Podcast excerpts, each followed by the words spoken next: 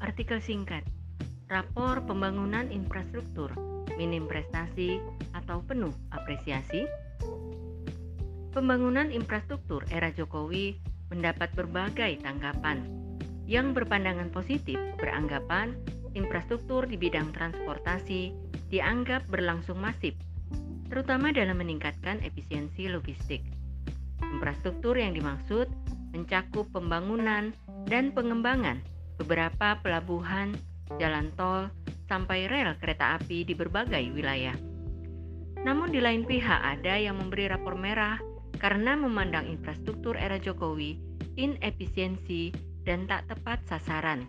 Sebab idealnya, penilaian sebuah kinerja atas pencapaian proyek infrastruktur harus melihat dampaknya ke masyarakat.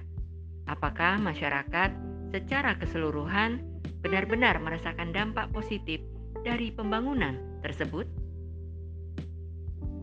Pembangunan infrastruktur berupa jalan tol, bandara, atau kereta api cepat boleh jadi mengalami perkembangan pesat.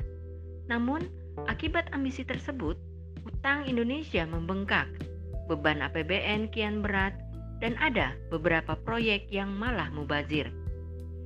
Pemerintah juga banyak melakukan divestasi saham proyek infrastruktur ke swasta. Banyak tol-tol yang dananya dari utang malah terjual kepada swasta demi menutupi utang BUMN.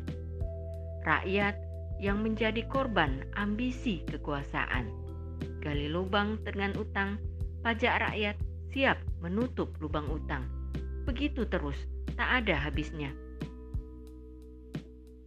Dalam Islam, pembangunan infrastruktur haruslah memberikan dampak positif bagi kehidupan masyarakat. Sebab infrastruktur merupakan kewajiban negara dalam menyediakan fasilitas publik yang bisa terakses semua warga negara. Jauh sebelum peradaban barat mendominasi, Islam sudah membangun infrastruktur yang mutakhir. Pada masa kekhalifahan Islam, pembangunan infrastruktur berjalan sangat pesat. Jalan-jalan di kota Baghdad, Irak pada abad ke-8 saat itu sudah terlapisi aspal. Pembangunan tersebut terjadi pada masa pemerintahan Khalifah An-Mansur pada 762 Masehi.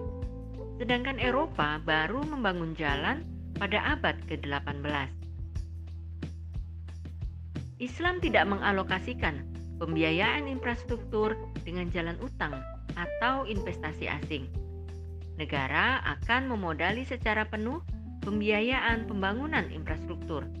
Dananya berasal dari kas Baitul Mal yang terdiri dari harta pai, ganimah, anfal, usyur, humus, rikos, zakat, jizyah, korot, serta pengelolaan barang tambang. Di sistem kapitalisme, secara fisik, pembangunan infrastruktur memang terlihat mentereng dan seakan membawa perubahan besar. Sayangnya, proyek infrastruktur yang serba wah dan luar biasa itu menyimpan potensi bahaya utang yang tak terkendali. Jelas, ini namanya one prestasi, minim prestasi, dan belum layak dapat apresiasi. Apalah guna infrastruktur jika hanya menguntungkan segelintir elit? Membangun infrastruktur haruslah berorientasi pada kepentingan rakyat, bukan pemilik modal. Beginilah jika mengelola negara dengan pandangan kapitalisme. Ambisi kekuasaan mengalahkan kewajiban riayah suunil ummah.